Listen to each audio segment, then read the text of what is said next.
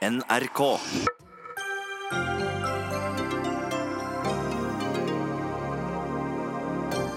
Arbeiderpartiet foreslår gratis måltid og frukt til skoleelever igjen.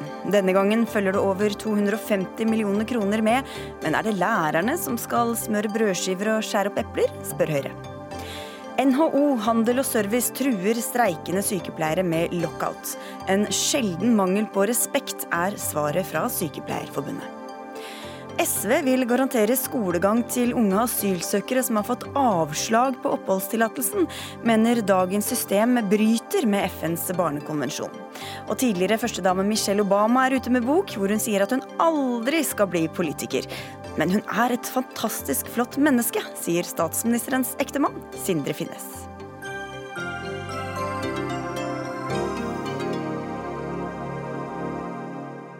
Og dette er noen av sakene i dagens Dagsnytt 18. Jeg heter Sigrid Solund.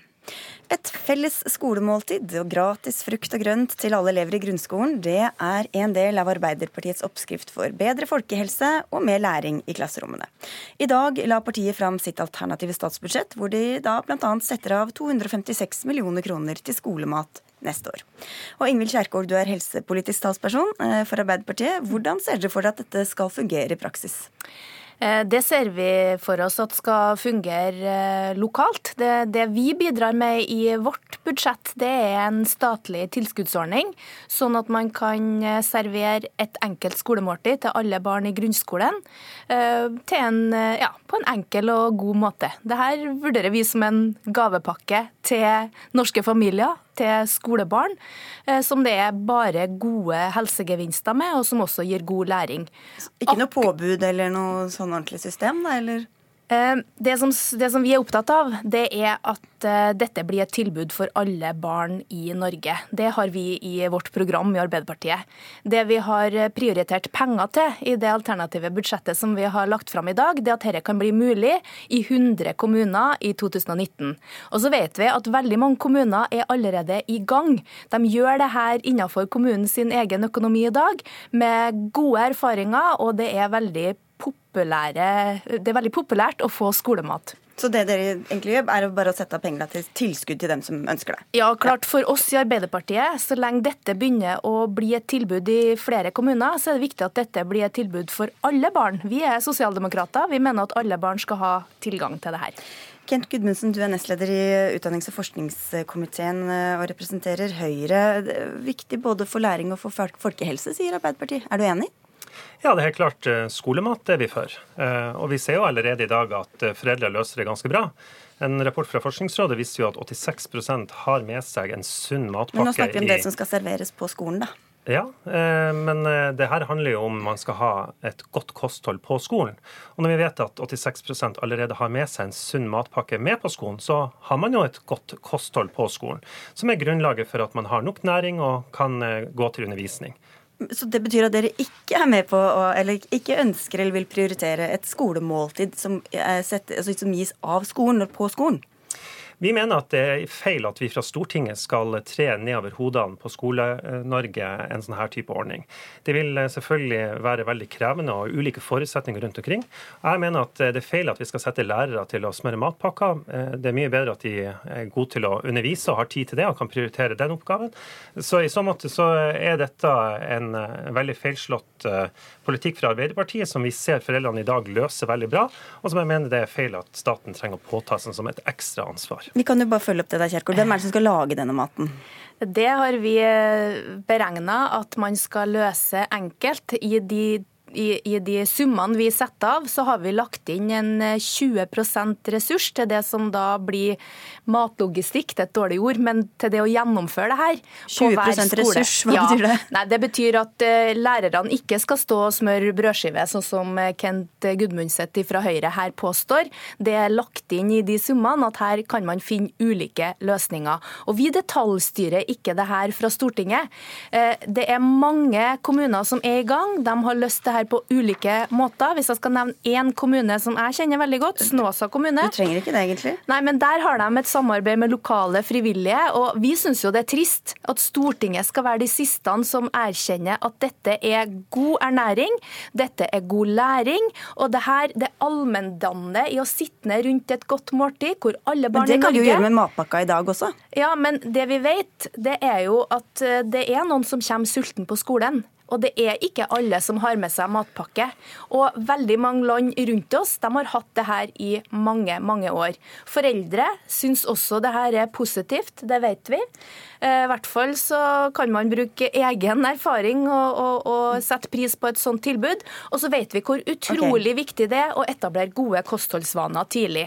Og okay, det, ja, men da skal jeg høre med ja, men det her er jo også anbefalt av veldig sterke ja. fagetater. For, det må vi ikke underslå. Og det er jo sånn Skolen klarer jo å ansette de som skal jobbe på eh, SFO, vaktmestere, helsesøstre, alle mulige andre. Hvorfor stoler du ikke på at de klarer å administrere dette på en måte som ikke går utover læringa? Jo, men som Kjerkol her sier, eh, vi vet at det finnes en rekke kommuner som løser dette helt utmerket godt lokalt selv. Mm. Og det handler litt om ulike forutsetninger som man har både på skolens lokaler, tilgang på personale osv. Men det at vi skal gjøre dette fra statens side, betyr at du måtte ha et nasjonalt pålegg på måten dette her skal gjennomføres på. Det betyr at man må ha logistikk, holdbarhetsdato, ulike matallergier. Eh, det blir en del andre typer regler som trer inn, eh, som krever at du vil kanskje måtte investere i en rekke skolebygg, som ikke er helt enkelt å få til med den løsninga som Arbeiderpartiet her foreslår. Og jeg mener jo at det er riktig at man skal ha et godt skolemåltid eh, underveis i skoletida. Derfor har vi også en nasjonal veileder som sier hvordan dette skal gjøres. Men når du vet Men, at så mange ikke kommer på skolen med, med, sunn mat, eller ikke spiser den maten de har med seg, hva, hvorfor skal man ikke da ha et, et opplegg som legger til rette for at alle skal få det samme tilbudet? Ja, Nå vet vi jo at på barnetrinnet så har nærmest alle barn eh, med seg en sunn matpakke. Det viser tall. Eh, og i alle de ti trinnene på grunnskolen så er det 86% Så er det riktig at noen trenger eh, ekstra oppfølging, at man trenger å tilrettelegge for det. Og det har vi jo statlige ordninger for som skal kunne bidra med, enten gjennom tilskudd på frukt og grønt. Vi har også muligheten for å, å gi støtte til andre mattiltak. Det har man gjennom Helsedirektoratet. Eh, så det finnes jo prosjektstøtte som kommuner har tatt tak i. Eh, og det mener jeg er en god løsning, for da har man eh, lokale variasjoner, og man greier å treffe det som er behovet. Eh, vi hører ofte at eh, særlig Høyre snakker om at de er veldig opptatt av å utjevne sosiale forskjeller. Det er en bekymring at det er økende forskjeller i samfunnet vårt. Barnefattigdom eh, snakker man ofte om. Det er nesten ingenting som er mer sosialt utjevnende enn å gi et enkelt skolemåltid til alle barn i Norge. I den norske fellesskolen så møtes alle rundt samme bordet, og hvis de også kan få spist den samme maten, så sikrer vi både god ernæring læring, vi sikrer god læring, og vi utjevner den forskjellene det er at noen har med seg en matpakke, mens veldig mange dessverre ikke har med seg matpakke. For å se litt overordna på det, dere sitter på Stortinget. Hva slags mat får dere tilbud om i løpet av dagen? Veldig bra mat. Vi har eh, en eh, stortingskantine, og det finnes eh, mange arbeidsplasser som ja. har det. Som er sponsa også av norske skattebetalere? Ja, det, ja. det har du helt rett i. Hvorfor syns du det er rettferdig at, skal, at skattebetalerne skal betale for deres mat, men ikke for maten til skolebarn? Eh, det forslaget fra Arbeiderpartiet som ligger på bordet her, eh, det sa jo senest eh, partileder Støre kunne involvere at man skulle trekke inn lærekrefter og annet. Og da, ja, men Det var ikke svar på spørsmålet. Hvor, som Hvorfor syns du det er rettferdig at regjeringsmedlemmer, stortingsrepresentanter, skal få sponsa mat, mens ikke barn på seks år eller tolv år skal få det?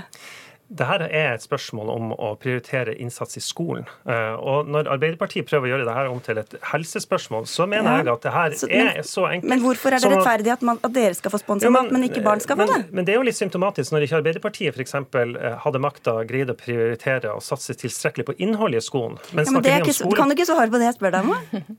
Ja, men, men, ikke sant? Dette blir jo et spørsmål om hva er det vi skal prioritere. sant? Eh, da skal vi prioritere skal... stortingsrepresentanter for... og ikke barn. Nei, men, men, det er jo ikke det som er poenget her. fordi at eh, Når vi ser på de 600 000 barna som går i grunnskolen i dag, så er det et ganske stort volum.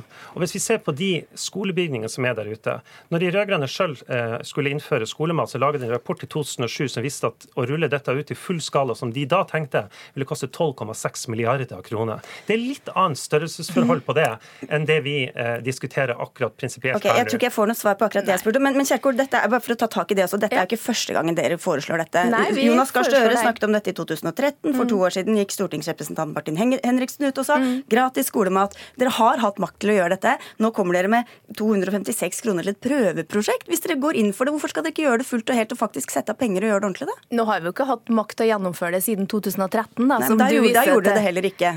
Nei, Vi begynner å fase det inn, gjør vi. En opptrapping. Hvis vi tar 100 kommuner i 19, så kan vi ta 100 kommuner neste år. Og så er vi langt du, du på vei. Det er 400 kommuner i Norge, så det går fort å komme i mål på det. Du viste selv til erfaringer fra andre land, så ja. vi vet jo hva som virker. Hvorfor skal dere da ha masse prøveprosjekter i stedet for å gjennomføre Det er ikke et prøveprosjekt, det er en innfasing av et enkelt skolemåltid til alle barn i Norge. Vi Hvorfor setter dere ikke penger på ordentlig for å gjøre det ordentlig, da? Vi setter av til 100 kommuner, og så kommer vi til å følge opp neste år. Og vi skal være i mål før denne perioden er omme. Hvis dere har snakket om dette i ti år, eller hvor lenge? Hvorfor, hvorfor følger dere ikke det opp med, med ordentlige penger og, og, har en ordentlig plan for hvordan dette skal gjennomføres? Vi har prioritert 100 kommuner. Vi mener det er en god plan. Høyre har ikke plan for en eneste ny kommune som skal gi det her til sine skolebarn. Det er fordi de ikke vil ha det? Nei, de setter næring, god ernæring opp imot god læring, og det er det nok forskning som både du kjenner og meg, og som vet hvor viktig det er å ha mat i magen for at hjernen skal fungere. Poenget mitt er at jeg ikke Ja, men det var jo jeg som hadde ordet da gode programleder. Men vi må fordele tanketida litt her. Altså, poenget er her,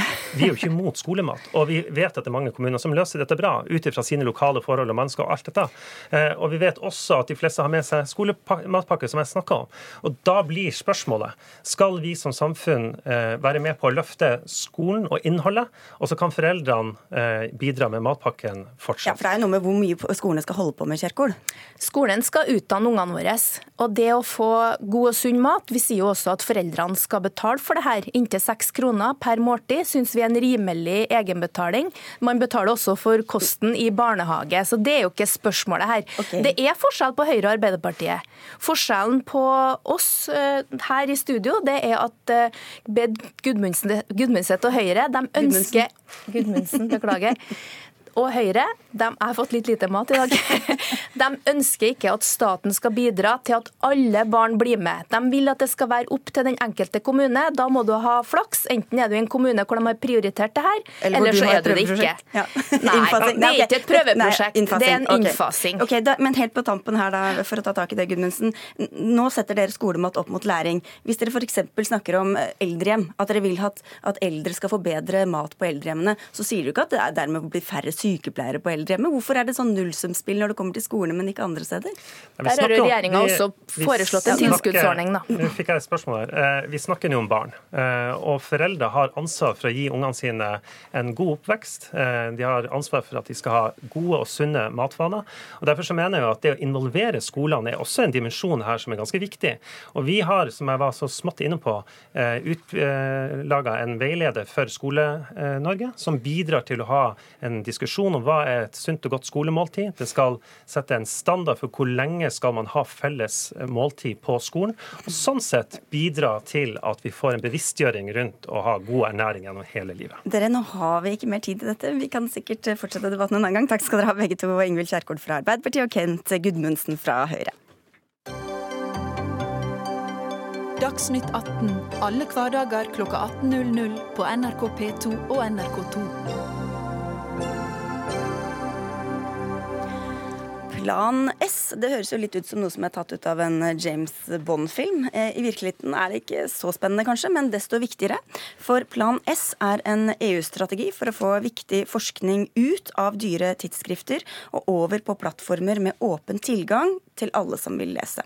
Også Norge har slutta seg til planen, og fra og med 2020 vil ikke lenger Forskningsrådet støtte forskning som ikke publiseres åpent og gratis. Og dette advarer du mot i et intervju med forskning.no, Edvard Moser. Du er nobelprisvinner og professor i nevrovitenskap ved Kavleinstituttet for nevrovitenskap. Du sier at dette vil få katastrofale følger. Hva slags følger da? Først av alt så må jeg si at også jeg er veldig eh, for åpen tilgang til forskningsresultat. Og eh, jeg også uh, setter pris på det arbeidet som både Forskningsrådets direktør og uh, forskningsministeren gjør for å, for å fremme Eh, åpen tilgang. Men eh, den betenkeligheten er at med det eksisterende forslaget så er et av elementene at at planen legger opp til at det skal bli forbudt å publisere forskning i de vanlige publikasjonskanalene med, med abonnementsordning. Og det utgjør ca. 97% av de tidsskriftene der man publiserer det man kaller høynivåforskning. Så det, det, kan få store konsekvenser for Norge, for da kan eh, vi få problemer med å rekruttere forskere hit. Og vi kan få problemer med internasjonalt samarbeid. Men forklar uh, sammenhengen her, for i dag så er dere altså eh, avhengig, eller det er viktig for forskere å få publisert denne forskninga i anerkjente tidsskrifter som Nature eller Science. Hvorfor er det så, så essensielt? Ja, jeg kan ikke si et par ord om hvordan eh, prosessen er. Så Etter at man utførte eh, et eksperiment eller gjort et forsøk, så uh, sender man inn resultater i en artikkel til et tidsskrift. og Så blir det da vurdert av eksperter, og så går det da fram og tilbake en del ganger. Og De beste tidsskriftene, sånn som Nature og Science, de har tilgang til de beste ekspertene og kan da få løfta kvaliteten på eh, den eh, forskninga ganske betydelig før det endelig går i trykken. Og den kvalitetshevinga, den uh, finner ikke man overalt. Og det er veldig, veldig få uh, tidsskrift med åpen tilgang som har den samme prestisjen per i dag. Og det er ikke så lett å bygge opp heller. Så fordi uh, det er sånn, så det er derfor vi prøver å publisere det der. Fordi det fungerer som et filter, sånn at uh, i den jungelen av artikler som blir publisert, ca. 90 000 bare i mitt eget fagfelt per år, så må man ha en eller annen mekanisme for å finne tak i det aller beste. Man kan ikke lese alt. Og det koster penger, for det er veldig dyrt å abonnere på disse tidsskriftene, og derfor dere vil ha det over til, til offentligheten på en annen måte. Jon Arne Røttingen, du er, Røttingen, du er altså administrerende direktør i, i Forskningsrådet. Det er dere som har signert eh, og laget denne planen for Norge. Men eh, hvorfor har dere så dårlig tid? For det er snakk om allerede 2020, og det er det Moser og andre er skeptiske til også. Dette er en prosess på mange måter som startet på 1990-tallet. Eh, på det tidspunktet var Edvard Moser og jeg begge forskere ved samme institutt ved Universitetet i Oslo. Og det som skjedde da, det var digitaliseringen av vitenskapelig publisering. Eh, at man gikk over ifra i praktis å gå inn, inn, i store katakomber på universitetsbiblioteket for å finne gamle artikler som var viktige for oss, så kunne vi etter hvert få alt uh, tilgjengelig digitalt. Det er mer enn 20 år siden. Og de aller fleste andre bransjer som har sett konsekvensene av den digitale transformasjonen, har blitt totalt gjort om. Av en eller annen grunn så har den vitenskapelige publiseringen blitt hengende igjen med de gamle betalingsmodellene og med et eh, system hvor det i dag er såpass altså Vi snakker om konsentrert makt i digitale verden, og i, i denne settingen så er det en konsentrert makt på fire store forlagshus. Hvorav det største, Elsevier, gikk med stort overskudd i fjor, eh, profittmargin på 37% Det er ca. 3,5 milliarder kroner, eller 1000 forskningsprosjekter. Men så betaler man jo for kvalitet, da, hører vi her. At noen faktisk går gjennom stoffet og, og vurderer det og Absolutt, gjør det bedre. Absolutt, og det er utrolig viktig, den kvaliteten kvalitetssikringen som skjer i tidsskrifter i form av fagfellevurdering, og de rundene frem og tilbake som Edvard beskriver her.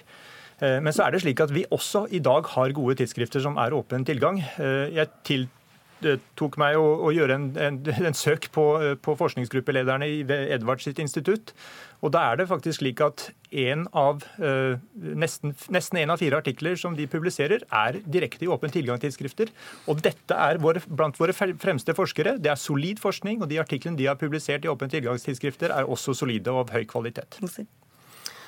Ja, men like fullt så er det sånn at det som uh, det, så, det, er ganske få uh, muligheter å publisere for, altså hos oss, hos uh, forskere i nevrovitenskap. Hvis vi tar det som et eksempel, så er det uh, eh, 97 av det som finnes av publikasjonskanaler, er fremdeles bak, betalingsmur. bak betalingsmur.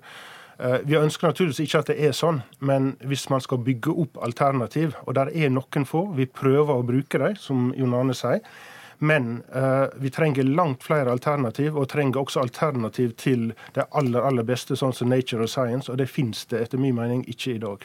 Vi skal få inn deg også, forsknings- og høyere utdanningsminister Iselin eh, Nybø. Dere har jo hatt et politisk ønske om å gå fra disse dyre tidsskriftene over på uh, gratis um, tilgang for, uh, for, alle. Men støtter du også dette virkemidlet altså denne, og denne tidsfristen som, som, er satt her? Jeg tror det er helt nødvendig at vi har et visst trykk over dette. For åpen tilgang det er noe vi har snakket om veldig lenge uten at det egentlig har skjedd noe. Og nå skjer det noe. Nå er det mange sterke forskningsnasjoner eh, og, fond som er med eh, på denne Plan S. Og Det gjør at vi kan få til en reell endring. Og Grunnen til at det er viktig, eh, det handler om at samfunnet vårt trenger tilgang på denne forskningen.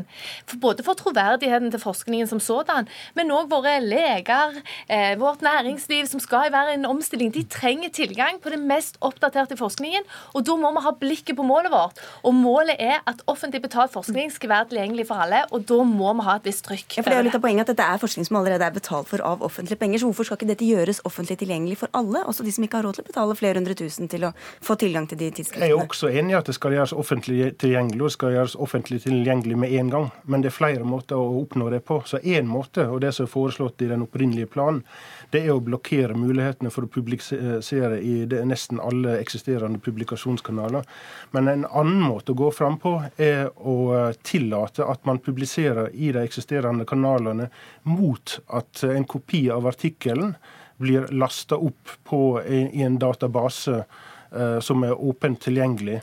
Uh, og Den mangler da kun bare layout og slike ting fra tidsskriftets side, men dataene, alt sammen er der akkurat som i den publiserte forma. Det alternativet er det veldig mange som går inn for. Det er moderat implementering av den planen. Mm. Og uh, etter min mening, det vil svare på den utfordringa. Et litt mildere forslag, Røttingen? Ja, og for det første, altså Jeg må si klart at jeg har stor forståelse for at Edvard Moser og andre forskere eh, er bekymret for en så rask eh, gjennomføring av en slik plan. Eh, samtidig så må vi huske på at vi, dette har vi jobbet for i over mange år. 20 år, sier jeg, og det har vært tydelig norsk politikk og europeisk politikk i flere år. Og så er det slik at det, egentlig det er to ting, det er én ting vi ønsker skal skje, det er at, tidsskriftene blir åpne. Eh, og så er det slik at vi bruker det å ikke publisere i lukkede tidsskrift som et virkemiddel.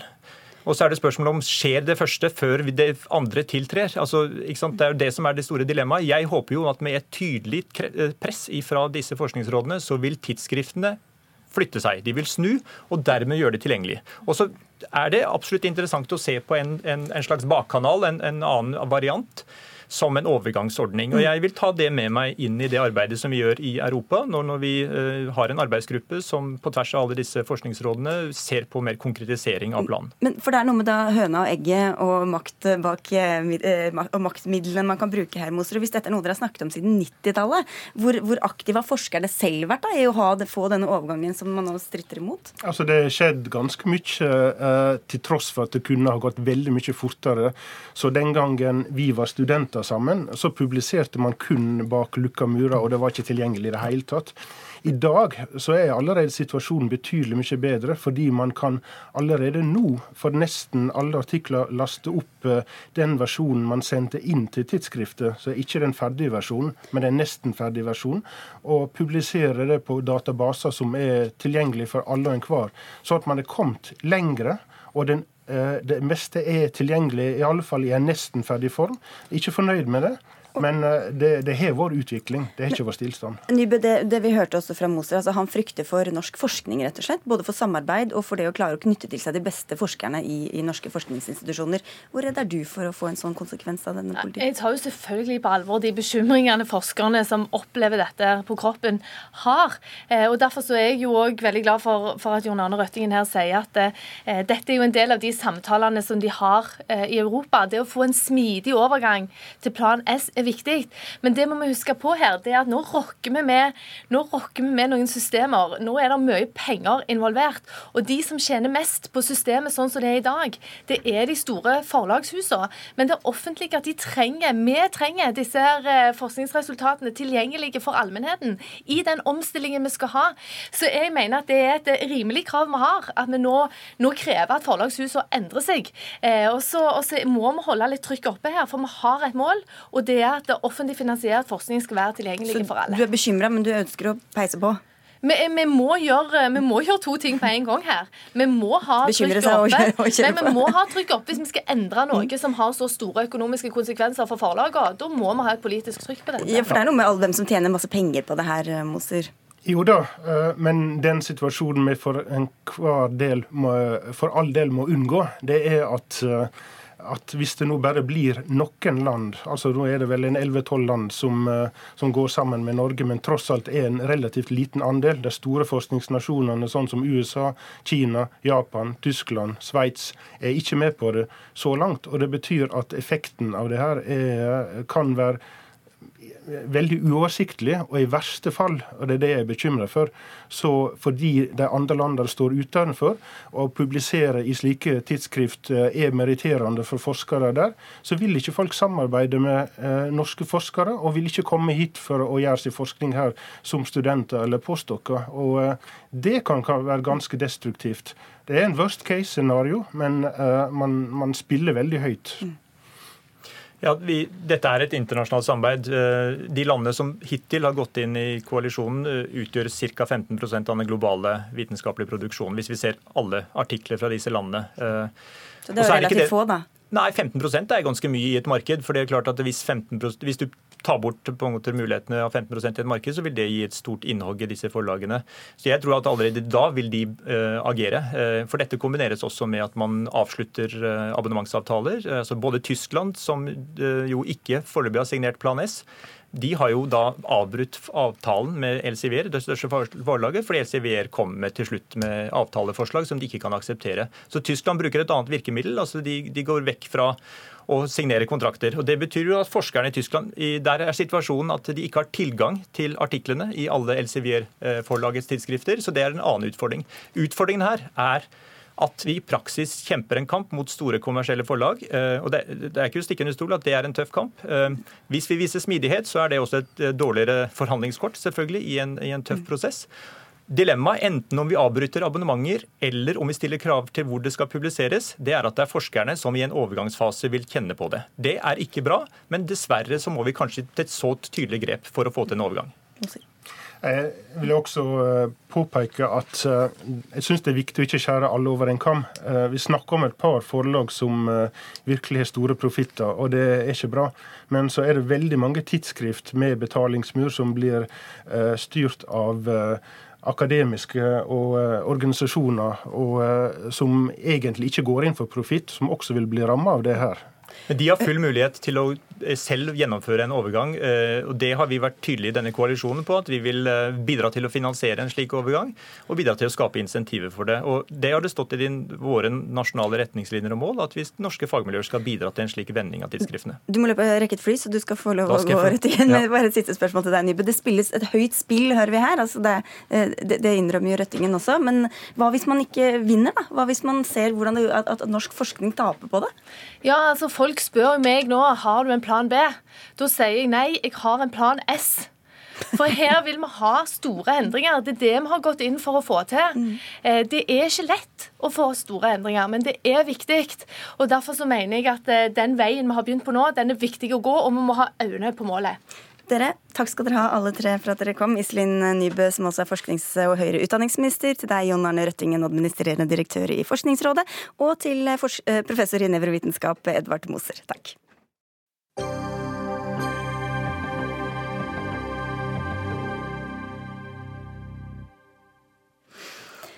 Det er ikke dette vi egentlig skal snakke om, men jeg skal melde at forhandlere fra Storbritannia og EU er blitt enige unnskyld, om et avtaleutkast som regulerer hvordan Storbritannia i praksis skal forlate EU. Det bekrefter kontoret til den britiske statsministeren ifølge NTB. Avtaleutkastet er på 400 sider og vel så det, og må gjennom politisk behandling i EU og på regjeringsnivå i Storbritannia før avtalen er eh, gyldig. Statsråder i den britiske statsministeren Theresa Mays regjering blir eh, kalt inn i kveld til til møter for å diskutere utkastet før det skal bli lagt fram med hele regjeringen i et møte i morgen. Og denne saken kan følges på nrk.no. Det var det. Nå over til eh, noe helt annet. For de som hadde håpet at Michelle Obama en dag skulle bli USAs president, fikk nok eh, håpet sitt knust i dag. For i den tidligere førstedamens nye bok 'Becoming', eller på norsk 'Min historie', garanterer Obama at hun aldri vil stille til valg. Men hun understreker at hun likevel vil bruke makten sin. Boka er en skildring av Michelle Obamas liv før og etter at hun ble verdenskjent som First Lady. Tove Bjørgaas, du er utenriksmedarbeider og tidligere USA-korrespondent eh, her i NRK. Jeg har rukket å lese den biografien. Du skal slippe å gi terningkast, men eh, hvordan vil du beskrive boka? Jeg syns den er ganske interessant, eh, og ikke minst fordi faktisk store deler av boka handler om det som skjedde før Michelle Obama i det hele tatt flyttet inn i Det hvite hus. Hun er opptatt av å gi tror jeg, folk et bilde av hennes vei dit, mm. og, og, også til selve hvordan hun møtte Barack Obama. Og så er hun jo, som du sier, hun vil ikke bli politiker, og derfor er hun nok også ærligere enn det sånne førstedamer og spesielt av tidligere presidenter ofte er i, sine, bøker. Dette er den mest forhåndsbestilte biografien noen gang. Hvorfor får hun og boka så mye oppmerksomhet? Hun er jo ekstremt populær. Hun har vært veldig populær også som førstedame. En av de mest, om ikke den mest populære på, på målinger siden man begynte å måle dette. Eh, hun, hun ses jo på som et forbilde av, av, veldig mange, spesielt mange unge kvinner har jo syntes at hun har vært et veldig stort eh, forbilde. Også Oprah Winfrey skal være med på lanseringen i Chicago i natt. og, og også hun er opptatt av, av det, den kraft Michelle Obama har som et forbilde. også pga. sin bakgrunn, altså fra arbeiderklassestrøk i Chicago. Så, så, hun er annerledes, rett og slett. Sindre Finnes, du er gift med statsminister Erna Solberg. eller Det er derfor du er her, du er jo andre ting også. Men du møtte jo Michelle Obama eh, et, eh, som følge på et offisielt besøk da i 2016. Hva var inntrykket du fikk av henne da? Ja, inntrykket jeg fikk av henne var svært godt. Hun var hyggelig og organiserte oss som var Eh, ektefelle da, på det nordiske toppmøtet på en utrolig fin måte. Hvordan var hun? Nei, hun var eh, voldsomt direkte. Det var f.eks. Erna som, som, holdt den innledende talen når, når uh, toppmøtet starta. Og med en gang Erna var ferdig med talen, så kom hun rett bort til Erna og sa Erna snakka om utdannelse for unge, og særlig unge jenter. Kom hun rett bort til Erna og sa, tok hun hånda og sa det her må vi på en måte samarbeide om. Det her er viktig. Og på ettermiddagen den dagen så hadde vi et arrangement eh, i et, eh, kunst, en kunstutstilling med noen barn fra en skole som ikke var så spesielt eh, privilegert, tror jeg. Jeg tror hun liksom hadde funnet en skole med ikke-privilegerte barn. Og når forestillinga er ferdig og vi andre sitter der, så går hun bort og så setter hun seg ned på knærne ved siden av barna, for noen av de var små. Og det vet jo vi at det er små barn, så skal du sette deg ned sånn at du ikke ser ned på dem når du snakker med dem. Så sto og snakka med dem i en fem minutter og ønska lykke til og lurte på hva de skulle bli når de ble store og sånne ting. Uformell og nær, da? eller? Ufor, uformell og nær. Mm. Lisa Cooper, du er tidligere leder for Democrats Abroad eh, i Norge. Er du skuffa over at hun ikke vil gå inn i politikken, sånn som i hvert fall noen hadde spådd og mange hadde hoppa på? Nei, jeg syns eh, hun har tatt en veldig riktig valg. Eh, jeg tenker på hennes familie. Jeg tenker på de, eh, den situasjonen de har hatt under de åtte årene med masse drapstrusler og, og sikkerhetsbekymringen. Hun har to døtre, hun har en ekstremt viktig stemme, og vi trenger henne for å forsøke å fortsette å mobilisere. Jeg tror det at en mellomvalg for ikke så lenge siden, selv om det virker som det var bare i går, hadde det høyeste deltakelse i 104 år, tror jeg er delvis takk til bl.a. Obama, eh, Michelle Obama, ut og, ut og prøver å motivere særlig ungdom. Det var vel noen taler hun holdt og sånn, Bjørga, som gjorde at noen i hvert fall spekulerte i om hun kunne være på vei inn i politikken. Var det, var det noen seriøse spekulasjoner om det i det hele tatt, eller? Ja, spesielt i valgkampen i 2016, når hun, når hun holdt denne berømte talen og sa at eh, hvis, når, if they go low, we go high. Altså at, at demokratene skulle være bedre, mer moralske, ikke, ikke drive med skittkasting. Det var, sånn, det var kanskje det som festet seg aller mest i hele den valgkampen. Men hun har også vært politisk. En av tingene hun skriver om i boka, er jo eh, i valgkampen i 2008, da hun en gang sa at hun for første gang på lenge var stolt av å være amerikaner.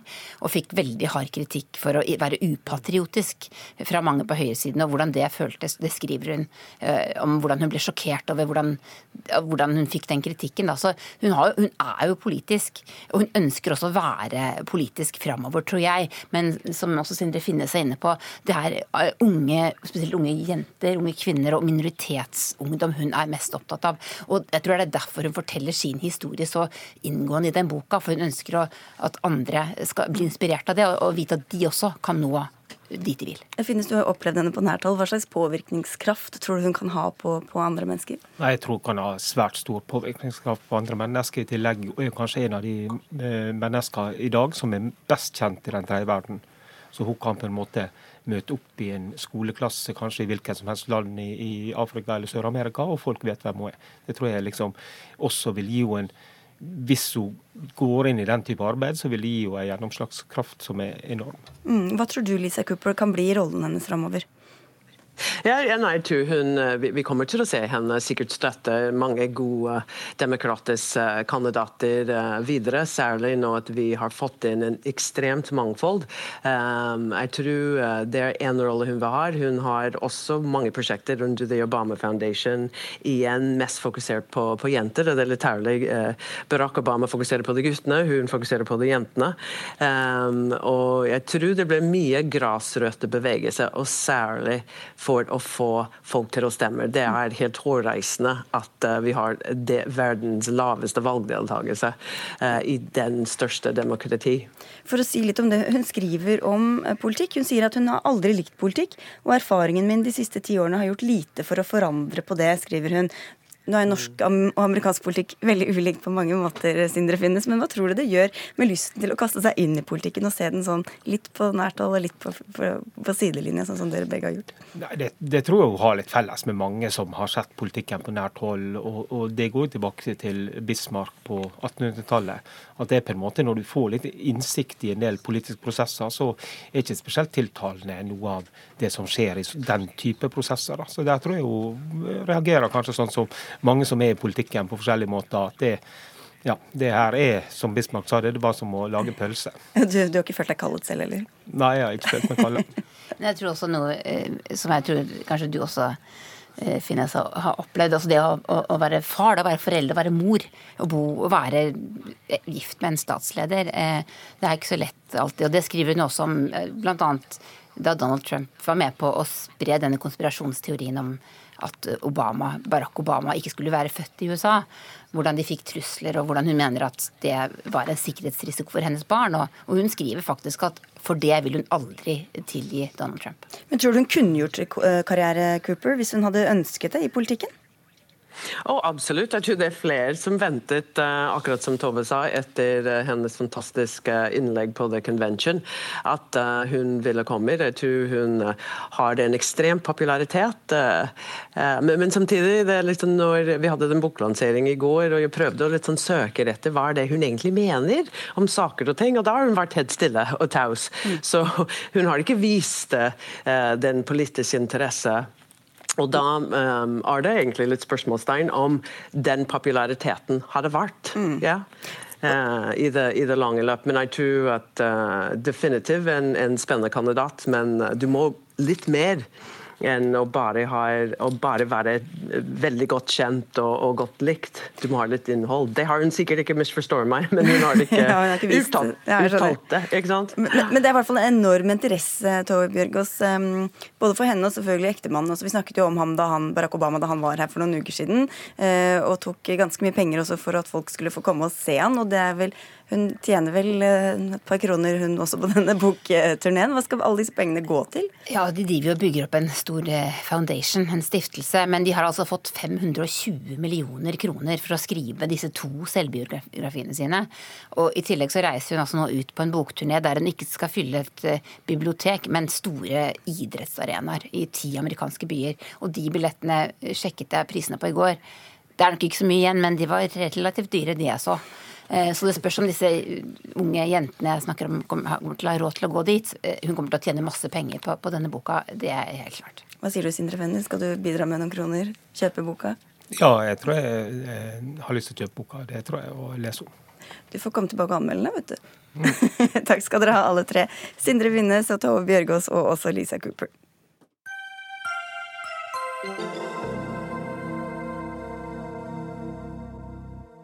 Eh, dere har eh, sikkert mange som ikke engang har fått det med seg, men eh, Norsk Sykepleierforbund har altså hatt 56 sykepleiere i streik i snart tre uker, og nå trappes konflikten opp. I dag sier NHO Handel og Service at de vurderer lockout for å få bevegelse i denne fastlåste konflikten, noe som betyr at opptil 501 sykepleiere kan bli nektet å komme på jobb. De som er tatt ut i streik, er ansatt av private arbeidsgivere, som pasienthotell eller rehabiliteringssentre Og Bakgrunnen er at Sykepleierforbundet vil at sykepleiere ved slike arbeidsplasser skal ha den samme lønnsstigen som sykepleiere ansatt i det offentlige. Og Elle Gunhild By, du er leder i Norsk Sykepleierforbund, og du sa til VG i dag at eh, dette varselet om en mulig lockout er en fallitterklæring fra NHO. Hvorfor er det det? Det er jo fordi at vi trenger anerkjennelse av streikeretten, og at dette her er en viktig del av den norske modellen eh, som vi styrer etter. Eh, og så er det eh, da sånn at også disse lavest lønna sykepleierne eh, trenger å ha mulighet til å forhandle på lønn, sånn som alle andre arbeidstakere i Norge. Derfor har jeg sagt at det er en fallitterklæring. Anne Cecilie Kattenborn, du er altså administrerende direktør i NHO Handel og Service. Hvorfor valgte dere å gå ut og, varsle en mulig lockout uh, i denne konflikten? Ja, det er jo viktig å understreke at det er, en, at det er muligheten. Eh, vi beklager jo veldig eh, hva denne streiken eh, betyr for de medlemsbedriftene hos oss som er blitt tatt ut i streik, og ikke minst for de pasientene som det blir problematisk for. Så det, det, synes, det tar vi på det største alvor. Men grunnen til at vi nå ser på muligheten av en såkalt plassfratredelse, det er jo fordi situasjonen er blitt så ekstremt alvorlig for våre medlemsbedrifter. Vi har noen institusjoner noen som har holdt på i nesten 100 år, som nå er i ferd med å gå over ende. Eh, og Det er fordi at det uttaket som nå har blitt gjort, det er jo ikke spesielt stort. Det er jo bare 501 sykepleiere som du nevnte, som er på denne avtalen. Ja, Ikke i streik, men som er potensielt Som er på den avtalen. Mm. Men, men, da noen og 50 som er blitt tatt ut. Men det har rammet slik at, eh, at NSF har tatt ut personer da som jobber på sykehotellene og i rehabiliteringsinstitusjoner. Ja, altså det, Dette er jo de virkemidlene dere har. Hvorfor er det OK det dere gjør i Sykepleierforbundet, mens NHO Handel og Service eh, det er ikke greit? Eh, det er sånn at Når vi driver med lønnsforhandlinger, så er det sterkeste virkemidlet vi har, det å ta medlemmene våre ut i, ut i streik. Og vi valgte å gjøre det denne gangen nettopp fordi at vi ikke ble møtt på de kravene vi har. Her snakker vi altså om minstelønna til sykepleiere, som er de aller lavest lønna sykepleiere i, i, Norge. Og flere av de tjener altså fra 30 til 100 000 mindre enn hva de ville ha gjort om de hadde jobba i offentlig sektor, altså i KS eller i Spekter-området. Så dere krever, bare forklare veldig mm. kort da, hva, hva den urettferdigheten eller skjevheten består i, sånn som du, dere mener? Den består i at vi har, eh, vi har ikke de minstelønnssatsene i NHO handel og service sin avtale, som vi har med f.eks. Ja, KS. Altså Private ansatte sykepleiere tjener dårligere enn en offentlige ja, sykepleiere? Og, og, da kan vi ikke og, eh, Vi har vært veldig tydelige på det. Eh, vi har jo både krav på det med sentrale avtaler, men ikke minst også mm. lokale avtaler. Og vi kan ikke være med og se på at de lavest lønna sykepleierne eh, skal være dårligere lønna fordi om de jobber i private sykehjem, rehabinstitusjoner, pasienthotell, enn om de jobber i en kommunal sykehjem f.eks. Hvorfor er det så vanskelig å gå med på? Ja, det er veldig vanskelig å gå med på. fordi at eh, vi, vi, må huske på at eh, medlemsbedriftene i NHO Service og Handel som da er rehabiliteringsinstitusjoner og sykehotell som er tatt ut nå, de driver jo alle sammen på oppdrag for kommuner i Norge, og alle sammen har tariffavtaler. Det vi ikke kan akseptere, det er for det første at man nå bes om å åpne opp lønnsoppgjøret fra i vår, som er lukket for 500 000 mennesker. og Det vet NSF at det ikke er mulig for oss å åpne opp. Og det andre er, og det er veldig snodig, det er at denne streiken den dreier seg jo ikke om å få gode lønnsbetingelser. Fordi at all statistikk viser at det gjennomsnittlig lønn i våre medlemsbedrifter er høyere enn i det offentlige. Og Det sier jo også NSF, men de sier at det er disse minstelønnssatsene som skal være like. Og Der må jo jeg si at eh, det som er snodig her, det er jo at vi blir bedt om å ikke forhandle disse tariffavtalene, mens man i, i en generasjon nå har hatt private aktører som har levert til det offentlige, og med okay, sånne tariffavtaler. Så dette kan jo være litt vanskelig å forstå. Hvis de mm -hmm. Faktisk tjener bedre enn minstelønn, hvorfor er da denne minstelønnen så veldig viktig å forhandle om? Ja, eh, Vi hører at NHO sier at de har statistikker som viser at disse tjener mer enn andre. Eh, de eksemplene vi har Nå har vi tatt ut 55 sykepleiere i streik. Når man gjør det, så henter man også inn eh, lønnsslippene deres. Og da er det altså mange eksempler på at sykepleiere tjener fra 30 helt opp til 100 000 mindre enn om de ville ha vært avlønna i offentlig sektor. Så den statistikken, og, og da blir det litt sånn da koster det vel kanskje ikke så veldig mye for NHO Service og Handel å innfri disse kravene? Nei, for det er jo logikken i det. Hvis, hvis, det, hvis man tjener så mer, så kan Så forstår jeg ikke at prinsippene skal ri ri, ries på denne måten. Vi har en minstelønnsavtale ja. eh, allerede. Den må vi videreutvikle. Da kan man få svare på det. Hvor, hvis, hvis, man faktisk tjener mer, hva koster det da å, å gi dem også bare å, å, å tariffeste eller feste en, en faktisk minstelønn? Da, da, kan man jo snu det og, og spørre NSF. Når det ikke dreier seg om faktisk at de private institusjonene lønner dårligere, for det har vi gode tall på, så er det jo veldig rart å si at man går til en streik for å kreve at det skal bli skikkelig lønnsforhold. Det som er eh, situasjonen her, er at eh, NSF har pekt på noen enkelttilfeller av personer som kunne tjent mer hvis de hadde jobbet i det offentlige. Det fins jo selvsagt eksempler på det motsatte også. Men hva har dere å tape på å gå om på en minstelønn, da? Det vi har å tape på det, er det jeg sa innledningsvis, at eh, man har lukket et hovedoppgjør for 500 000 personer. Det var da veldig... Så dere frykter at dette kan få en snøball til å rulle? At det kommer bare... dominoeffekt av eh, Ikke bare frykte, men, men når, man slutt, når, man lukker et sånt hovedoppgjør, så må jo alle parter kunne stole på at man respekterer det. så Derfor så blir det en veldig vanskelig situasjon å be oss om å stå i. Men det aller viktigste det er at eh, alle disse bedriftene hos oss de har tariffavtaler de har gjennomgående veldig fornøyd med å ha den arbeidsgiveren som de har. Eh, og jeg syns det er egentlig litt merkelig at NSF Er det 103 000 sykepleiere i Norge omtrent? 100... Vi har 116 000 medlemmer. 116 000. Mm. Og av dem så er det altså 500 Altså av 116 000 så er det 500 som går på denne avtalen med disse institusjonene. Det kan jo ikke være truende at noen har en annen tariffavtale.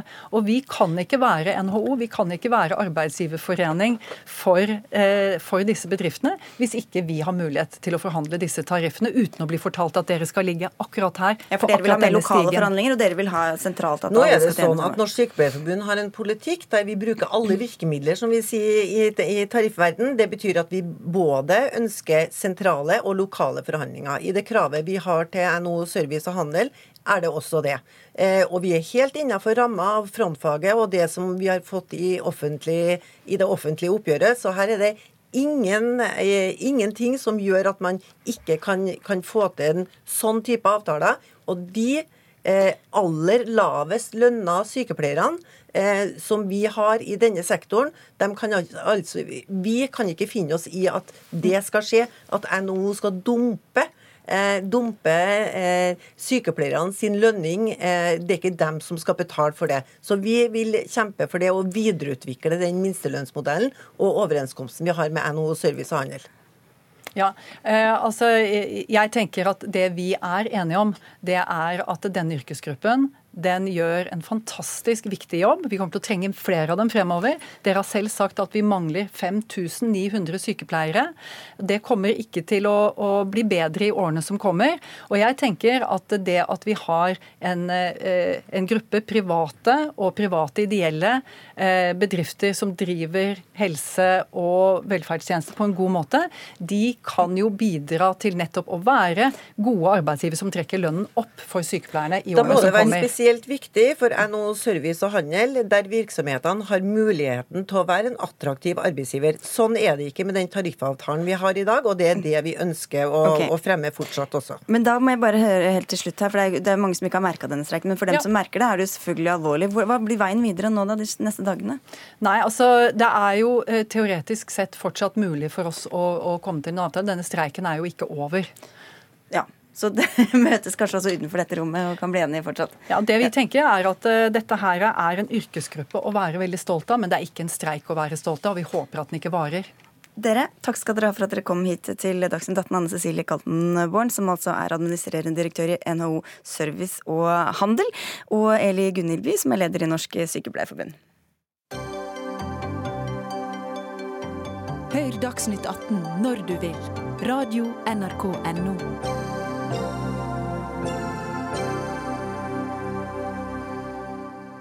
Rundt 70 mennesker som har fått avslag på asylsøknadene sine, sitter nå rundt omkring i Norge med en usikker framtid. De skal sendes ut av landet, men hva de skal gjøre de siste ukene, månedene eller årene, avhenger av hvor i landet de bor. I dag er det nemlig opp til hver, hvert enkelt fylke om de får fortsette å gå på videregående skole mens de venter på utsendelse. SV har foreslått å gjøre dette til en rettighet for alle det gjelder, men på Stortinget i dag ble det vel klart at dere ikke får flertall, Freddy André Øvstegård fra SV. Men første del argumentene her, hvorfor ønsker dere at dette er noe som skal være tilbud til alle asylsøkere på videregående? Mm. Ja, det er sånn at uh, I FNs barnekonvensjon, som vi var ganske opptatt av å følge her i Norge, så står det altså tydelig at alle barn og unge har rett til en skolegang, helt uh, uavhengig av hva slags uh, oppholdsstatus f.eks. De måtte ha. Og så vet vi at det er en, altså som du nevnte, en 60-70 stykk som altså ikke ikke får gå på videregående skole fordi de har fått endelig avslag på asylsøknaden sin. Og Det vi ville da, eh, det var jo å gi disse ungdommene muligheten til å gå på skole fram til de faktisk er nødt til å reise ut.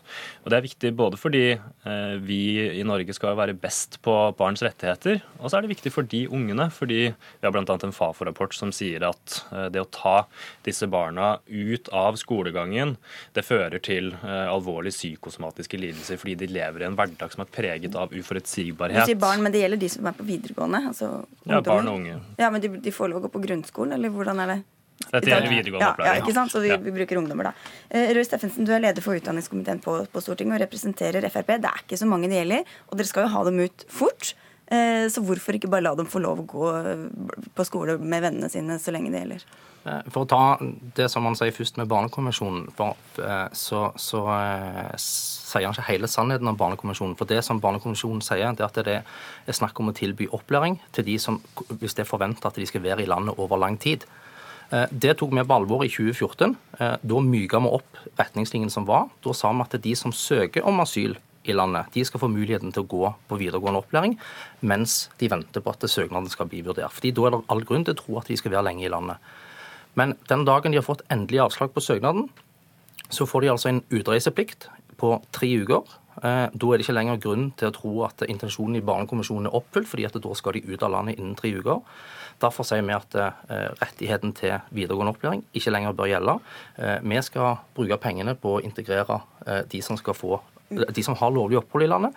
Vi er ikke interessert i å bruke, bruke skole, tilby skolegang for de som skal ut av landet. Men hvis vi ser for oss at det faktisk skjer innen tre uker, da, hva, hva koster det å ha en ungdom på skolen i tre uker eller under det for å, være, liksom for å få en ålreit siste Kost, tid i Norge? Kostnaden her er veldig liten, men det som, det som du må se på, det er at eh, hovedårsaken til at personer ikke reiser ut innen fristen på de tre ukene, det er fordi at de ikke samarbeider om retur. I dag har du muligheten til at du kan, du kan søke om assistert retur, eller du kan samarbeide med å, opplyse om omsorgspersonene dine i eh, hjemlandet.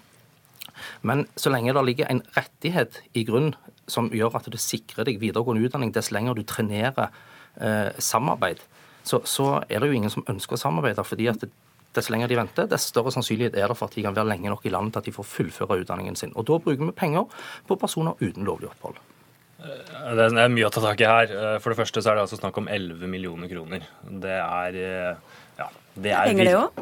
Det er penger, det er det. Men i et statsbudsjett på ja, gud vet hvor mange tusen milliarder, så er det ikke mye penger. For å si det sånn, Dette er ikke et prioriteringsspørsmål. Nei, men Hvilket signal er det det sender? Og når vi ser hvor mange som, som ønsker å bli fordi at de knytter seg mer og mer til, til, til lokalmiljøet, og så øh, ved å bli på skolen, så kan man jo se for at dette bare blir forsterka. Ja, jeg, jeg syns det er eh, rart at vi skal ende opp i en situasjon hvor vi altså skal gjøre det eh, så ille som mulig eh, for disse ungdommene, eller barna som de er rent juridisk, fram til de er 18 år. Det er viktig påpekning, for så vidt. De skal gjøre det så ille som mulig for dem, for å liksom motivere dem til å reise ut. Er det det han sier, da? At de skal være så, ha det så ille som mulig? Det er jo bare som et argument at det vil gi At de vil trenere mer, sier du jo. Jeg syns det er en ganske, ganske alvorlig ting å si da, om disse ungdommene som, eh, som bare ønsker å ha forutsigbarhet eh, så lenge de kan, fram til de er nødt til å reise ut. Og Det er ingen som betviler det at når man har fått endelig avslag eh, i Norge, så skal man også reise ut. Men hva Men viser empirien her, da? Og har vi noe å vise til i det hele tatt, eller? Men, men, for å ta det med, når vi blir beskyldt om at vi vil, vil gjøre det vanskeligst mulig for dem, så, så, er det ikke det som vi har foreslått. Eh, vi har tvert imot sagt at det, eh, hvis det viser seg at det er personer som er det som jeg eh, kaller for, for ufrivillig ureturnerbar, altså de har gjort alt de kan i et forsøk på å samarbeide med myndighetene om at de skal returnere, de har søkt om assistert retur, de har oppgitt hvem som er omsorgspersonene i hjemlandet, men av en eller annen grunn så lar det seg ikke gjøre å returnere, ergo de kommer til der lenger enn tre uker. Da har vi sagt i vårt forslag, som ligger til behandling nå, eh, så har vi sagt at det, da ønsker vi å se på er det muligheten for å få eh, aktivitet eller opplæringstilbud som er returforberedende for denne gruppa. Men da er forutsetningen at de aktivt må samarbeide. Men hvorfor kan ikke de få fortsette på videregående, da? Eh, fordi igjen, da har du den signaleffekten. Da sikrer du de videregående utdanning istedenfor et returforberedende opplæring eller aktivitetstilbud. Hva er det returforberedende aktiviteten? Hva er det for noe? Det er det vi har bedt om at det må regjeringen eh, vurdere sammen med kommunene og fylkeskommunene. Hva, er det som, som, eh, hva kan vi tilby dem istedenfor videregående opplæring? For vi òg ser at det er veldig altså, eh, de, de, er nødt til å ha et eller annet tilbud hvis det er forventa at de skal være i landet lenger. Men hvis vi gir dem rett til videregående opplæring, så kommer det til å sørge for at de tvert imot kommer til, til å motarbeide UDI sitt vedtak, eh, framfor enn at de, de får et, et tilbud mens de venter på å bli transportert ut. Jeg synes Du slipper jo katta ut av sekken med at de skal liksom motarbeide å reise ut. Men det er jo Også det vi vet er hovedårsaken til at de ikke reiser ut. Ja, men det var det jeg prøvde å spørre om. Hvis dette er ulik praksis fra fylke til fylke, vet vi da at de som får gå på videregående, at de trenerer mer enn de som ikke får gå på videregående? Det, jeg vet ikke hvem det er som gjør det, men, men altså, Du har ikke grunnlag men, egentlig for å si det, da? Ikke, ikke for å si, men den største enkeltårsaken til at personer ikke reiser ut innen de tre ukene, er fordi de ikke samarbeider om, ja, altså, men det, om, om de går på videregående eller ikke, det, vet vi ikke. Det, vet vi ikke. Det gjør vi ikke. Men, men, for oss så kommer det da tilbake til signaleffekten med å tilby rett til videregående utdanning. Den er for stor. Eh, så derfor har vi av, innvandringsregulerende hensyn så har vi valgt å si nei til forslaget fra Sosialistisk Venstreparti, og det har òg flertallet på Stortinget sagt. Ja, og der mener jeg, ikke sant, det er, dette er, det er jo det det er snakk om, innvandringsregulerende hensyn. Eh, jeg mener jo at barns rett til eh, videregående opplæring skal komme først, sånn som Barnekonvensjonen også sier. Og så syns jeg det er en veldig merkelig tolkning av menneskerettighetene fra denne regjeringen. Når altså Barneombudet f.eks. støtter dette forslaget og sier helt tydelig at nei, disse barna de får ikke sine uh, rettigheter etter Barnekonvensjonen. Men de som er over 18 år, da? De skal det ikke gjelde for dem? Altså, dette gjelder jo uh, folk i ulike aldre, det er klart det. Ja. Uh, nå vet ikke jeg hvor mange akkurat Så det er ikke Barnekonvensjonen så aktuell for dem, da? Det er fordi det er 16-18 år det er snakk om, snakk om nå. Ja. Uh, det er det, Og de over 18 eventuelt hvis de har påbegynt det, det som ligger i, i forslaget fra, SV. Mm. Men, men, men, bare se, altså det er jo tross alt vi som har tatt Barnekonvensjonen på alvor når vi har åpna opp sånn som vi gjorde i 2014, med at, eh, at også asylsøkere kan få muligheten til å få rett på videregående opplæring. Det sa din regjering nei til når, når SV var med og styrte, men vi tok tvert om og mykte det opp. Men vi satte, eh, satte streken i sanden og sa at eh, men den retten opphører den dagen du har fått et endelig vedtak på avslag. Ja, Det er vel kanskje Også, naturlig at det skal være, bare for å høre med det med at det skal være en forskjell på om du faktisk skal få bli i landet eller ikke, når det kommer til hva slags tilbud du skal få, eller? Ja, altså Barnekonvensjonen gjør ikke noe forskjell på det. Barnekonvensjonen er veldig tydelig. Den sier det at alle barn som oppholder seg i territorium, har disse rettighetene. Og det spiller ikke noen rolle om man har lovlig opphold eller ikke da. Og det er faktisk et veldig viktig prinsipp når det gjelder det å beskytte barns rettigheter. Og så vil jeg jo også si da at måte, vi må tenke på altså enkeltmennesket oppi det her, på konsekvensene for de det gjelder. Eh, og du snakker om symboleffekt. Jeg mener den effekten at altså, disse ungdommene får eh, magesår, psykosomatiske lidelser, ifølge en Fafo-rapport. Og det er konsekvensen av at de blir kasta ut i denne uforutsigbarheten. For det er det de lever i. Det gjelder jo bare et par uker. En, Hvis de skal ut av landet ja, veldig fort, så ja, de jo, får, rekker de å få et magesår da? Eller? Ja, det får de faktisk. og det, Fafo sier det helt tydelig. At disse menneskene lever i en uforutsigbarhet. De har én ting som er fast i livet sitt, og det er at de får lov til å gå på skolen. Og det vil altså ikke Frp la eh, disse ungdommene gjøre. Nei, det, og det skal de drive dank og drive med kriminalitet, Roy Steffensen. Nei, men det, det ønsker ikke vi. Iallfall lediggang er roten til alt ondt. Så de som skal være lenger enn tre uker av grunner som de sjøl ikke kan Eh, lastes for. De har vi sagt at vi ønsker et tilbud for. Men okay, vi ser ikke poenget med at de skal gå på på videregående skole fordi vi mener det er dårlig, dårlig forvaltning av skattebetalernes penger. At, okay. at, personer, at, person, nei, men at, at personer som skal ut av landet, skal måtte være, gjøre rede for samisk eh, kultur og språk. ja, ja, vi må avslutte. Eh, Vi vil heller ha returforberedende dere skal stemme over det om en drøy uke, og deg ser vi senere i kveld Øvstegård, på NRK1 eh, når du tar med deg din stolte Østfold-L til debatten, hvor de skal diskutere påstand om språklig forfall. Vi sier også takk til deg, Roy Steffensen fra Fremskrittspartiet, og takker av eh, fra Dagsnytt 18 Jarand Ree Mikkelsen, Erik Sandbråten og jeg, Sigrid Solund.